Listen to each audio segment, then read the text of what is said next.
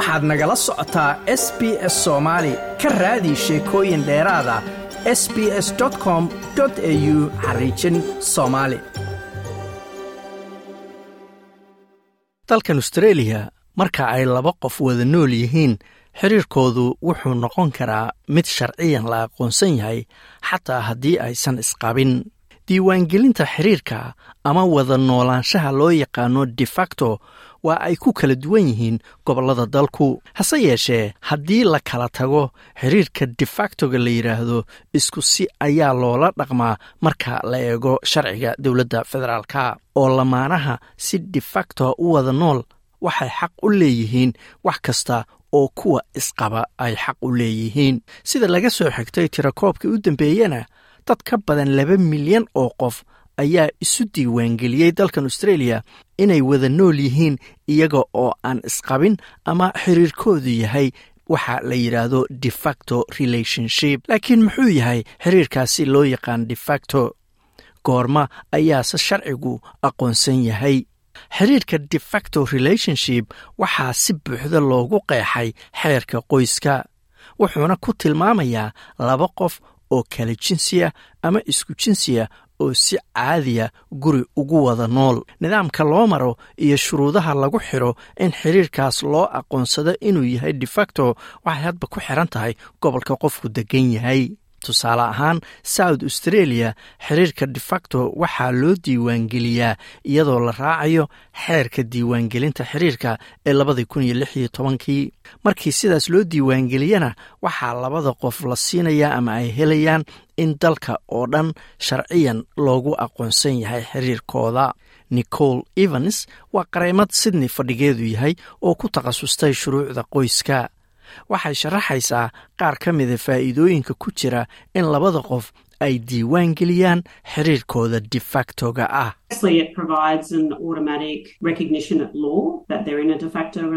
Tan koowaad waa in si toosa sharciga loogu aqoonsanayo inay yihiin lamaane wada nool inkasta oo aysan isqabin ama waxa loo yaqaano defacto ay yihiin. Marka lagama doonayo inay caddayma haystaan. Waxay ka caawin kartaa dadka doonaya fiiso ama haddii midkood dhinto in xiriirkoodaas uu jiray.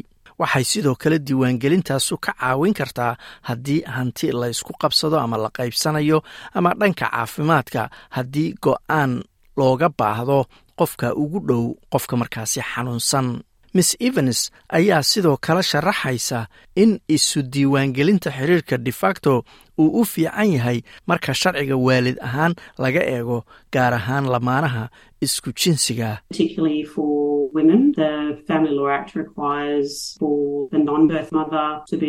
gaar ahaan waxay muhiim u tahay haweenka. Xeerka qoyska ayaa qeexaya in haweenta aan ilmaha iyadu dhalin ay tahay in sharciyan loo aqoonsado inay waalid tahay. Haddii lamaanuhu kala tago iyadoo xiriirkoodu uusan diiwaan gashanayn mid ka midana uu maxkamadda dacwo geeyo si hantida wax looga siiyo dhowr arrimood ayaa markaasi la eegaa si go'aan looga gaaro in xiriirkaas defactoga ah uu jiray iyo in kale. Arrimaha la eegayana waxaa ka mid ah in xiriirkaasi muddo socday inay wada degganaayeen in dadku ogaa in dhaqaaluhu isugu jiray iyo inay wada noolaayeen.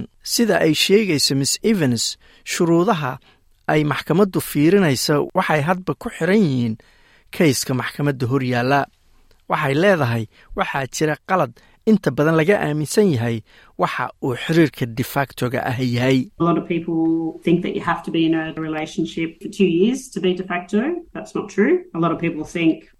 Dad badan ayaa aaminsan inay tahay xiriirku inuu socdo muddo laba sano ama wax ka badan si loo aqoonsado inuu yahay defacto relationship dad badan ayaa aaminsan in marka ay qofka wada degan yihiin laba sano inay defacto yihiin oo ay xaq u yeelanayaan kalabar hantida qofka kale taasina sax ma aha. Waxaa jira sharciga qayb odhanaysa waxaad noqon kartaan defacto haddii xataa aydnan isku meel degganayn oo aad laba guri ku kala nooshihiin. Waxaa jira kayse sharci oo qiraya in lamaane uu noqon karo defacto xataa haddii midkood sharciyan uu qof kale qabo ama ku mehersan yahay. Damian greer oo ah sharciyaqaan deggan magaalada brisbane kuna takhasusay xeerka qoyska ayaa sharaxaya.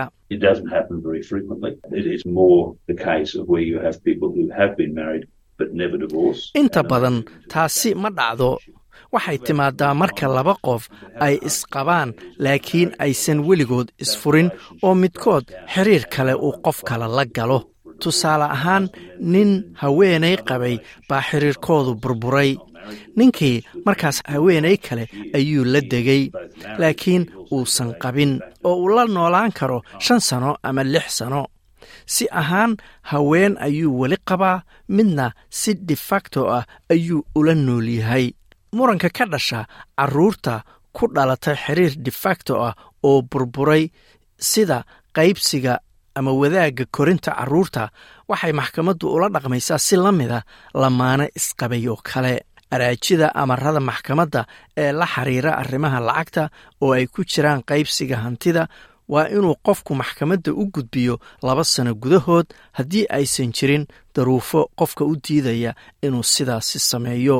Waxaa kaloo ay samayn karaan lamaanihii hore waa inay iyagu heshiis gaaraan laakiin waa in heshiiskaas ay gaarayaan uu yahay mid sharcigu aqoonsan yahay.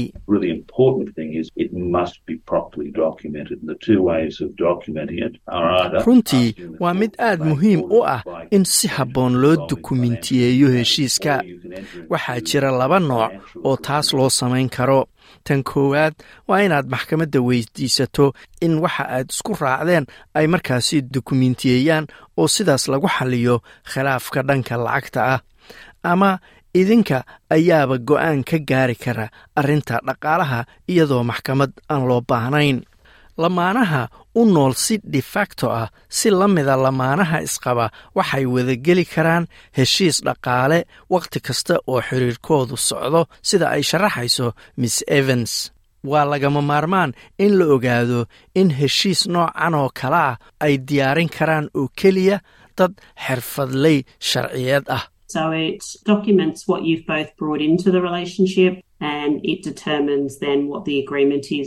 Marka waa dukumiinti heshiiska aad labadiinnu wada gasheen ah. waxaana ku yaal waxa heshiis ku yahay waxaa ku yaal sida loo qaybsanayo hanti ama dayn haddii la kala tago. Waxaad u baahan tahay in qof qareena uu diyaariyo dukumiintigaasi qareenku waa inuu saxiixo dukumiintiga iyadoo uu ku qoran yahay inuu talo sharciyeed oo madax bannaan insiiyey oo ku saabsan faa'iidada ama khasaaraha heshiiska noocan oo kale ah. Lamaanaha u wada nool si defacto ah oo kala taga waxay sidoo kale raadsan karaan adeegyo lagu dhexdhexaadiyo si ay heshiis uga gaaraan khilaafka ku saabsan carruurta iyo dhaqaalaha fiona bennet waa la taliyo ka tirsan relationship australia faraceeda west australia. Waxay sheegaysaa in dhexdhexaadintu ay ka caawinayso labada dhinac siday u gaari lahaayeen heshiis xaq ah oo cadaalad ku salaysan oo labadoodaba ay ka faa'iidaan. Nidaamka heshiisiintu waa mid aysan lamaanaha midkoodna ku khasbanayn marka lamaanaha midkood uu soo jeediyo arrintan adeegaasi ayaa la xiriiraya dhanka kale si loo weydiiyo inay dhexdhexaadinta raalli ka yihiin iyo in kale oo ay ka qayb qaadanayaan. Haddii labada dhinac ay isku raacaan waxaa la bilaabayaa baaritaanada taariikhda xiriirkooda iyo wixii khataro ah oo ku jira sida miss bened ay mar kale sharaxayso. Waxaan u rabno waa inaannu xaqiijinno inaan sii baarno oo fahanno in labadan qof hal qol ay wada fadhiisan karaan iyo in kale. Haddii aysan hal qol wada fadhiisan karin ugu yaraan iyadoo la dhexdhexaadinayo ma wada hadli karaan runtii waxaannu ogaanaynaa in khatari jirto. Waxaannu runtii rabnaa inaannu ogaanno in matalan rabsho qoys ama khasab ama kontarool maskaxadeed uu ka dhex jiray labadan qof. Waxaan rabnaa waxaas oo dhan inaannu sii ogaanno ka hor inta aynan bilaabin dhexdhexaadinta.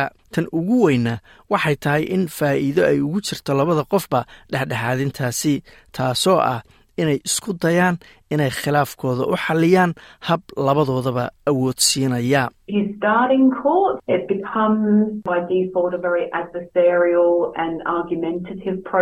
haddii arrinta aad ka bilowdaan maxkamadda waxay noqonaysaa mid muran iyo khilaaf ku salaysan. Laakiin haddii aad ku bilowdaan inaad dhexdhexaadin xal ku raadisaan dhanka kale ayaad wax ka arkaysaan qofka kale wuxuu aaminsan yahay baad fahmaysaan waxaad awood u yeelanaysaan inaad arrinta si kale ula xaashaan intii maxkamad ay amar inu ku siin lahayd. Like aas la wadaag wax ka dheh lana soco barta facebooka ee sb s